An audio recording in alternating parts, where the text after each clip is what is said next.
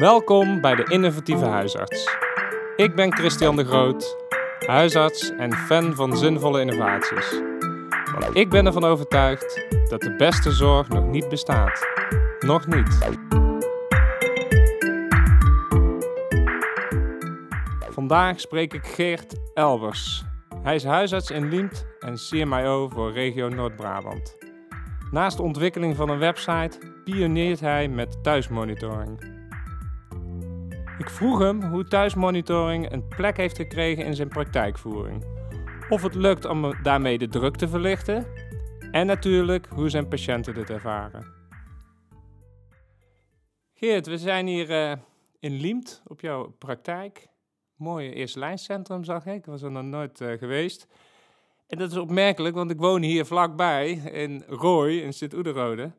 En volgens mij zien wij elkaar nu voor het eerst uh, live. Ja, dat is waar, ja. Dat is uh, lang levende digitale zorg. We hebben elkaar wel op Zoom gezien. Zeker. Maar toch is het altijd leuker om elkaar even gewoon met een bakje koffie te zien. Ja, ja, ja. Lang levende hybride zorg dus. Zeker.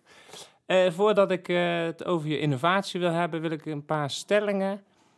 die wil ik toespitsen op je rol als CMIO, oftewel de Chief Medical Information Officer. Uh, stelling 1, en het is de bedoeling dat je ja of nee uh, antwoordt. Elke regio zou een CMIO in de eerste lijn moeten hebben. Retorische vraag, ja. En stelling 2, CMIO, een CMIO moet vooral veel van techniek weten. Als ik ja zou zeggen, zou ik mijn papiertje in moeten leveren, denk ik. ja, oké. nou, we komen hier later uh, op terug. Want ik wil nu graag uh, met je hebben over thuismonitoring. Ja. Um, waarom vind je dit belangrijk? Um, ja, eigenlijk om een rare reden misschien, uh, uit mijn mond, maar vooral om de zorg leuker te maken.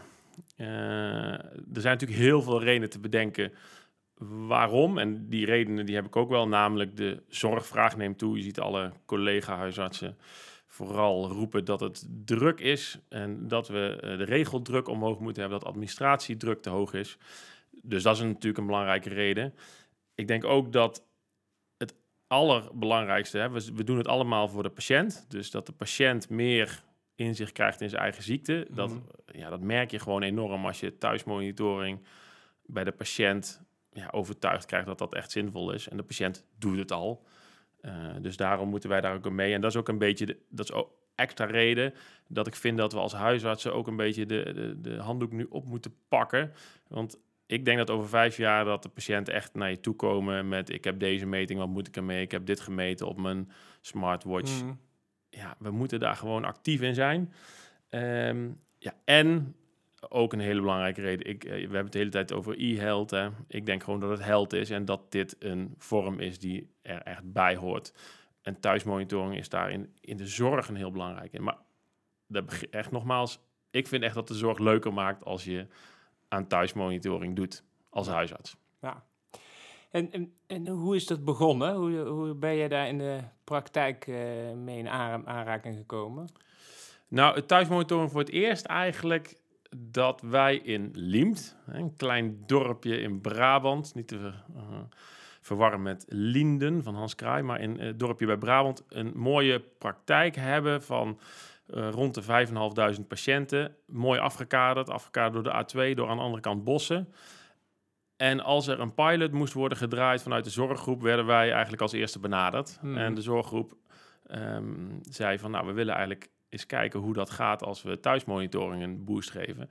En daar was ik heel erg voor, want ik deed al heel veel in de e-health. En toen zijn we begonnen in Liemt om een patiëntenpopulatie te kiezen, namelijk de VVR-patiënten, om uh, hun bloeddrukmeters uit te delen. En daar zijn we toen mee begonnen. En dat moest wel, daar wilde wel iets tegenover stellen. Namelijk dat ze dan wel meededen, en dat was allemaal nog pre-corona, aan uh, groepsbijeenkomsten. Want we vonden eigenlijk, ja, dit is gewoon uh, zinvol om dat aan alle patiënten over te dragen. En niet uh, die, in die tien minuten proppen dat je hier zit. Maar we wilden dus meedoen aan groepsbijeenkomsten. Er waren leefstijlcoaches. Nou, je kreeg dus een eigen bloeddrukmeter. Je deed mee aan die groepsbijeenkomsten. Maar dan moest je ook je bloeddrukmeter via eh, het HIS, of het KIS eigenlijk invullen. En wij eh, in, eh, in onze regio hebben wij eh VIP calculus, dus moesten de bloeddrukken zelf doorgeven via VIP. Nou, dat was eigenlijk het begin van het thuismonitoren. En dat was echt houtje touwtje. We hebben lang nagedacht van, oké, moeten we bloeddrukmeters die Bluetooth alles doorgeven in het systeem en direct in het HIS komen? Nou, dat is natuurlijk allemaal fantastisch, maar dat lukt ons gewoon niet. Dus we wilden laagdrempelig beginnen. We wilden mensen bloeddruk laten meten. En zodoende, dat is eigenlijk de eerste eh, ja, kennismaking met thuismonitoren. En toen kwam eigenlijk corona. En dat was een eh, zegen. Althans voor het thuismonitoren. Mm. Want toen kwam, eh, omdat wij dat project deden, kwamen wij met JBZ in aanraking met de OLVG Corona Check app. JBZ, ziekenhuis in Den Bosch, hè? Even... Ja, klopt. Ja. Gelukkig Ja, kom je uit de regio. ja. Het ziekenhuis hier in Den Bosch, die werd benaderd om met de OLVG de corona check app. Niet, dus niet de check app die we nu hebben, maar als je corona had, dat je dan als patiënt op de app je klachten kon ingeven. En daar werd ik voor benaderd vanuit het, eh, het JBZ, Jeroen Bos ziekenhuis, om daaraan deel te nemen. En dat vond ik eigenlijk fantastisch, want ik dacht, dit, dit is nou echt zinvol eh, om dat regionaal op te pakken. En toen ben ik in de medical board gekomen van die corona check app en eh, eigenlijk in contact gekomen met, eh, met Lucie, die landelijk nu ook allerlei programma's draait met thuismonitoring. Mhm.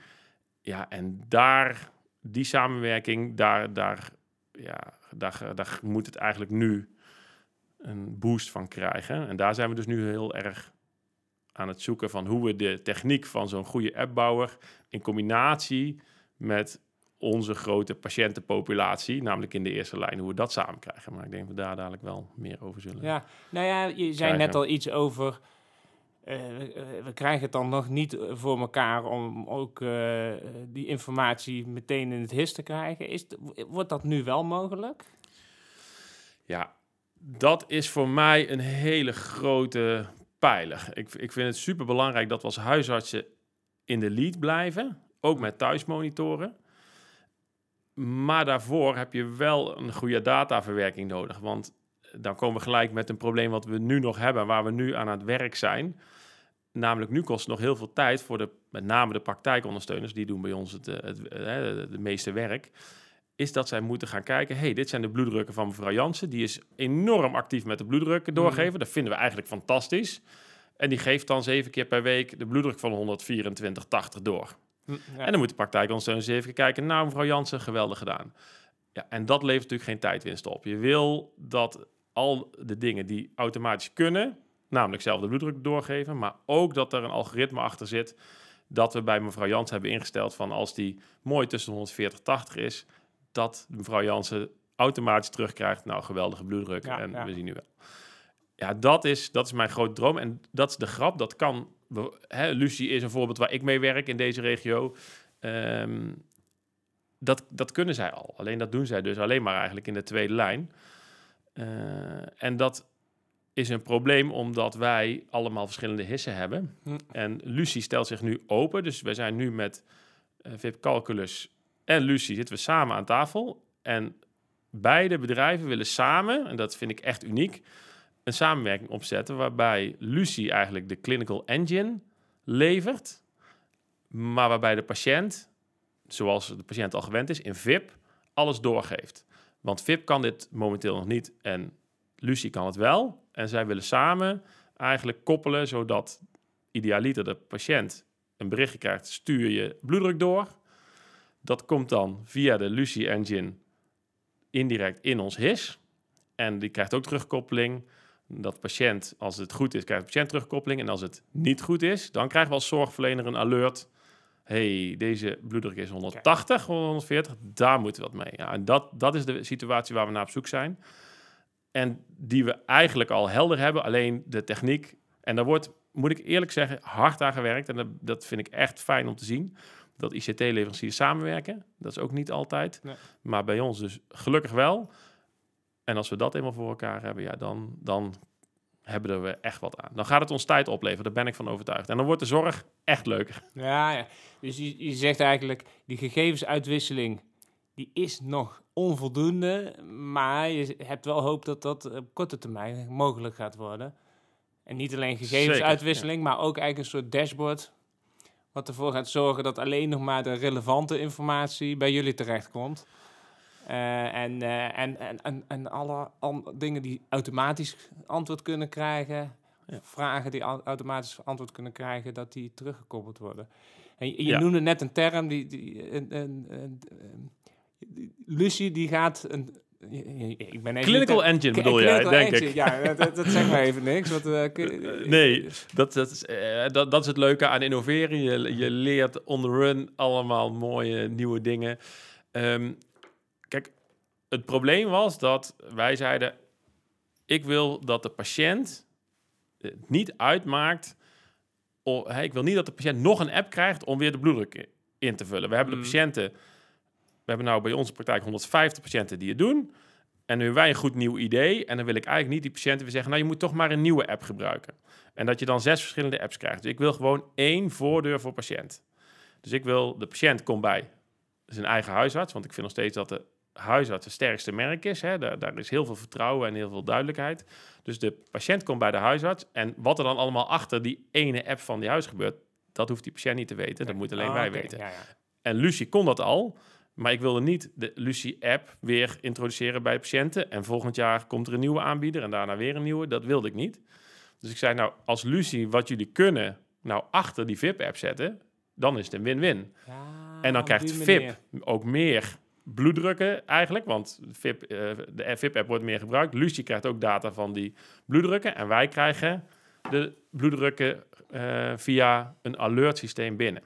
Maar goed, daar moet je dus wel die samenwerking voor zoeken. Ja. En volgens mij is samenwerking ook wel de crux van innoveren. Dat je samen naar het doel moet gaan. En Ja. dan, dan kom je ergens. En het openstellen van gegevens, dat heb ik ook wel eens vaker gehoord. Er zijn leveranciers eh, soms nogal eh, voorzichtig in, omdat ze dan bang zijn misschien ook wel een soort van eh, concurren- concurrentiepositie te verliezen. Ja, Ja. ja dat merk je heel erg. Hè? Dat, dat de softwareleveranciers willen het liefst hun eigen product uitventen. En daarom is het zo mooi dat hè, als, als consument, dus als huisarts, wil je het liefst gebruik maken van de, de techniek die er is, onafhankelijk van of jij er nu toevallig een contract mee heeft of dat jouw zorggroep er een contract mee heeft. Ja. En dat, moet je, dat is wel lastig om daar, eh, daar door te komen. Interessante ontwikkeling, dus dat eh, ga ik zeker volgen. Ehm, maar ja, dan de patiënten. Wa- Want hoe ga je patiënten verleiden om hier ook echt eh, veel van, gebruik van te maken? Ja, dat is altijd een leuke. Ik denk dat het allerbelangrijkste is dat je als huisarts, praktijkondersteuner en assistenten daar samen achter moet staan en in de spreekkamer een beetje moet, moet enthousiasmeren. Hm.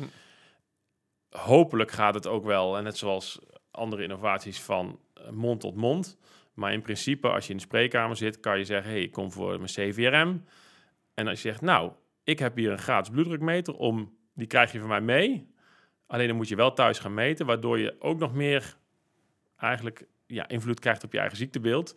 Volgens mij begint het daar. En dat dan heel de keten in je praktijk ook daar enthousiast over is. Want als jij zegt in de spreekkamer van hier is een bloeddrukmeter. Die kan je bij de assistent ophalen. En de assistent denkt, ja, bloeddrukmeter, welk project heb je het over? Geen idee. Oh ja, een bloeddrukmeter. Nee, de assistent moet eigenlijk zeggen, oh ja, je doet mee aan de bloeddrukmeter, hartstikke leuk. En, daar, en dan, volgens mij, moet je, moet je het ook een, moet je een beetje verleiden. Ja. Eh, en daarom hebben we dus in de regio, dat is ook wel mooi, hebben we duizend bloeddrukmeters eh, aangekocht. Zo. En die hebben we verdeeld over de huisartspraktijken. Daardoor doen bijna alle huisartspraktijken mee. En die kunnen dus gratis bloeddrukmeters uitdelen. Dat helpt gewoon wel. Ja. Misschien een beetje cheesy, maar het helpt wel, een gratis bloeddrukmeter. En dat zijn al bloeddrukmeters die ook met Bluetooth de... eh, Nee, die kunnen we als huisarts niet betalen. Nee, nee.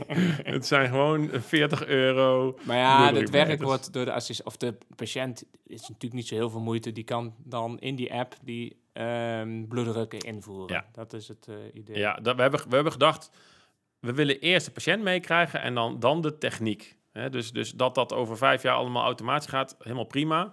Dat gaan we nu nog niet voor elkaar krijgen, dus daar moeten we ook niet op focussen. Wat, wat willen we? Dat we patiënt thuis bloeddruk gaan meten. Dan moeten we het eigenlijk zo simpel mogelijk maken. Want wij hebben natuurlijk een enorme patiëntengroep. In het ziekenhuis is dat wel allemaal Bluetooth en gestuurd en alles. Maar die hebben een set van een leasebedrag van weet ik veel per maand. En wij willen het eigenlijk tegen hè, laagdrempelig, tegen lage kostenpost doen. Want ja, als je dadelijk al je VVR-patiënten includeert, dan moet het niet te duur zijn. Nee, nee. Dus simpel. Ehm, en hoeveel patiënten maken er al gebruik van, Geert? Uh, nee, wat ik zei, hier in de praktijk 150, maar we doen het nu al een paar jaar. Maar we hebben het nu in de regio en dan zitten we uh, op de 1750 ongeveer.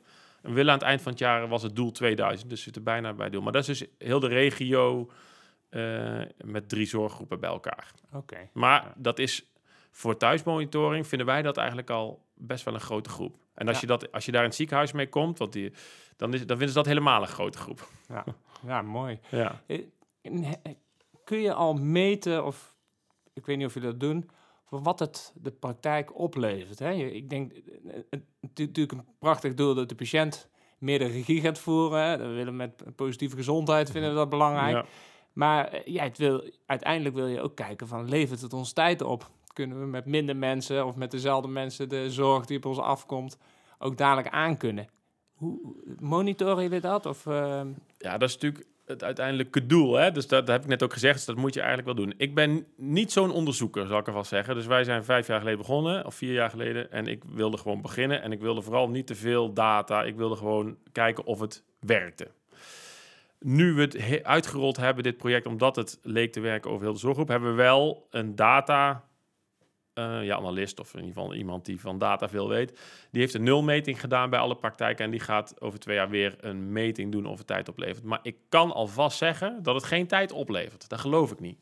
Als je als praktijk een nieuw, nieuwe innovatie gaat doen, dan moet je niet verwachten dat binnen een jaar het tijd oplevert. Je moet de praktijk omzetten. Je moet patiënten moet je meekrijgen. Je moet een protocol omdraaien. Dus in, in het begin gaat dit geen tijd opleveren. Maar ik ben ervan overtuigd dat dit een ontwikkeling is die op termijn tijd oplevert. Of dat zo is, dat mag iedereen eh, meten. Maar dit gaat sowieso iets opleveren. Alleen ja, dat, dat ga je pas over een paar jaar meten als je dat geautomatiseerd hebt gedaan. Als het allemaal goed loopt. En dat, dat is gewoon nu. Ja, dat, zijn we nu gewoon aan, aan het eh, bekijken en aan het fine-tunen. En dat, dat hoort bij innoveren, dat dat in het begin helaas tijd, tijd kost. Ja. Nou als je kijkt hoe, hoe- hoe je in de afgelopen jaren met eh, patiëntengroepen zijn, hoe die zorg nu loopt, doen we denk ik ook steeds, ehm, zijn we al veel efficiënter gaan werken. Hè? We Ja, hebben, ja. we- het is meer persoonsgericht ook, dus je kijkt wat heeft iemand nodig, terwijl we eerst veel te geprotocoleerd bezig waren. En dat zal hier denk ik ook wel mee zijn. Je, ja, je wilt eerst natuurlijk heel geprotocoleerd gaan werken, maar dat zal dadelijk ook wel weer eh, een, een veel efficiëntere ehm, eh, gaan, gaan ja. proces gaan worden. Ja, dat, dat, dat denk ik zeker. Ehm, en het gaat ook, hè, wa- wat je niet wil, wat, de zorg wordt complexer, de zorgvraag wordt groter. Dus wat wil je niet? Je wil eh, in mijn optiek geen tijd kwijt zijn met samen je bloeddruk opmeten, als je dat thuis kan. Je wil niet samen naar een scherm lopen kijken om als eerste je labuitslagen te kijken. Je wil alles wat thuis kan, wat de patiënt thuis kan doen, wil je dat de patiënt thuis doet, zodat Hm. je juist tijd over hebt om het over die persoonsgerichte zorg te hebben. Ja. En niet of de cholesterol nou eh, precies bij die patiënt onder de 2,5 is. Nee, die persoon die heeft al gekeken de laatste drie keer. Hey, mijn cholesterol is gezakt. Of mijn bloeddruk is het laatste jaar gestegen langzaamaan. Dan krijg je de vraag, hoe komt dat? In plaats van, hey, je bloeddruk is gestegen. We gaan er weer een medicijn tegenaan knallen. Ja, ja, ja precies. Ehm, wat, wat, wat krijg je terug van patiënten? Hoe vinden ze het? Weinig. Omdat de POH vooral, het, eh, die, die krijgt vooral veel terug. Dus, ehm, maar de, de, de patiënten die het doen en het blijven doen, hè, want er, er zijn ook in deze groep mensen die denkt, hey, dat is de groep die we goed geselecteerd hebben. Zijn er ook een paar die het niet doen, maar degene die het blijven doen, die zijn hartstikke enthousiast. En die hebben, zeggen echt, nou, ik heb hier echt wat aan en ik, ja, ja, goed, dat, dat zou je de patiënt zelf moeten vragen, want het is altijd lastig. Maar je merkt gewoon dat ze het leuk vinden. Ja. Hè, het is voor hun een belang, hè, zo- eh, gezondheid is gewoon een belangrijk goed voor mensen. En als je een medicijn slikt tegen bloeddruk en je kan zelf zien wat dat doet en, en wat de invloed daarvan is, dat vinden ze leuk. Ja. En dus krijg je een leuke gesprek. Kom Ja. ik weer terug over het leuke. ik, ik wil graag, eh, ik vind het een heel leuk vak, maar ik, ik wil het ook heel leuk houden. En dan krijg je veel leukere gesprekken Ja. dan alleen maar de bloeddrukwaarde op dat moment bespreken. Nou, mooi om te horen hoe de thuismonitoring bij jullie dus met, wat zei je, 175 Oh, mensen... ja, 150 bij ons in de praktijk, Oh, maar 150. 17, 1750 in de regio. Ah, kijk eens. Eh, en, en hoe dat vorm krijgt. En eh, ik, ik ga het volgen. Ook eh, die, die koppeling waar je het net over had. heel interessant. Want dat maakt het nog aantrekkelijker voor huisartsenpraktijken om, om hier ook mee aan de slag te gaan. Ja, wat ik nog wel ook belangrijk vind om te vertellen, als het nog mag, Zeker. is dat eh, wat echt belangrijk is, is dat je eh, dat thuismonitoring, ik vind dat thuismonitoring iets is voor de patiënt, of je nou in de nulde, eerste of tweede lijn zit. Dat is echt mijn eh, hoofddoel en mijn ideaal is dat je met de regio samen overlegt over hoe je die metingen nou ergens laat landen. Dus of de patiënt nou bij jou onder behandeling is, of bij de cardioloog, of niet eens in behandeling is bij iemand, dat iedereen bij die informatie kan en dat de patiënt op dat moment bij degene komt die eh, nodig is. Dus als de patiënt geen zorg nodig heeft, dan moet hij ook niet bij de huisarts zijn of bij de specialist. Als het zorg is die wij kunnen leveren als huisarts, dat wij dan in datzelfde systeem kunnen. En als hij dan naar de cardioloog uiteindelijk moet, dat die cardioloog ook al kan zien wat die gegevens zijn. Dus ik vind regionale samenwerking voor thuismonitoring echt essentieel. Dus hebben het daar met elkaar over. Wou ik nog even kwijt. Dus niet de innovatieve huisarts, maar de innovatieve re- regio, zou je Ja. zeggen. Precies. Ja, zeker. Ehm, ik ga even terug naar je stellingen. Want eh, nou, eh, het was voor jou een eh inkopper. Want je bent van mening dat elke regio zou een CMIO moeten hebben in de eerste lijn. Ehm, maar kun je nog eens toelichten waarom je dat zo belangrijk vindt? Ja, had ik eigenlijk dus nu kunnen zeggen. Eigenlijk wat ik net, wat ik net zei. Ja. Namelijk, samenwerking in de regio is gewoon belangrijk. Als jij als eerste lijn met z'n allen eh, in je eigen bubbel iets aan e-health doet, terwijl de ziekenhuizen niet aangelijnd zijn, dan heb je er gewoon weinig aan. Dus ik denk dat het superbelangrijk is dat je vanuit de huisartsen een vuist maakt en ook je eh, IT en je e-health en je innovatie naar buiten kan uitdragen en samen kan overleggen met een CMO van het ziekenhuis en van de geboortezorg eh, en van de apotheken. En dat je daarmee samen e-health beter en sterker kan maken. En als je niet verenigd bent, gaat dat niet. Dus voor mij is dat die naam CMO is niet per se belangrijk, maar je moet iemand hebben die als CMO fungeert en die namens je ja, organisatie, structuur, dus namens de huisarts in ons geval, goed kan overleggen over welke richting je opgaat. En dat moet je niet alleen doen. Dat moet je als, ja, in mijn visie regio, maar misschien is het wel landelijk, ik weet het niet. In mijn visie is het echt dat je regionaal die zorg op de rit krijgt. En daarvoor is een CMO echt nodig om aanspreekpunten te zijn, ook voor andere organisaties. Want ik word makkelijk gevonden door de CMO van het ziekenhuis, door de andere. We hebben een e-health overleg. Nou, iedereen komt bij mij en ik kan dan weer het verdelen over eh, de huiszorg. Dus ik denk dat dat echt heel belangrijk is. Dat elke regio inmiddels ervan overtuigd moet zijn dat CMO echt zinvol is in het versnellen van e-health. Ja, en je zei van, je, je hoeft daar niet eens zo technisch voor te zijn. Maar ik zag wel dat jij een, een, een, eh, opleiding hebt gedaan daarvoor, die eh, twee jaar in beslag heeft genomen. Ja, ja, ja, ja zeker. Dat is mij in de maag gesplitst. en dat is ja, echt wel nuttig eh, om bepaalde basisdingen van de techniek waar we het allemaal over hebben te doen. Ik ben echt niet technisch. En als ik iets technisch nodig heb, dan ga ik echt wel naar het ziekenhuis, de ICT, de, de architect, die hebben we allemaal niet in de eerste lijn. Daar ga ik naartoe als ik een vraag heb. Ik ben echt niet ik ben geen IT'er. Ik ben echt huisarts die het leuk vindt om de e-health binnen de huisarts een goede richting op te, op te sturen. Maar technisch hoeft er echt niet voor te zijn. Je moet er wat affiniteit mee hebben, maar je moet vooral enthousiast zijn over wat er allemaal mogelijk is. En dat je als huisarts echt in de lead moet blijven. Als- Dat is ook echt een eh, belangrijke. En dat we niet over ons heen moeten laten lopen door de grote Amazons die dadelijk op ons afkomen, wat mijn grote vrees is. Maar dat we het gewoon zelf hier op de rit hebben. Mooi. Ehm, nog een laatste vraag voordat jij eh, de luisteraar nog in één zin iets mee eh, eh, mag geven. Want, want hoe zorgen we er nou voor dat meer huisartsen die rol willen gaan vervullen? Ja, eh, dat is, dat is lastig, want je moet enthousiaste mensen die, die wat tijd over hebben. Hè? Dus het, ko- het kost wel tijd om dit te doen. Dus ehm, ik denk als je een keer hebt gezien wat het kan betekenen in een regio, als je iets leuks en iets nieuws doet, dat je denkt, hé, hey, dat vind ik leuk.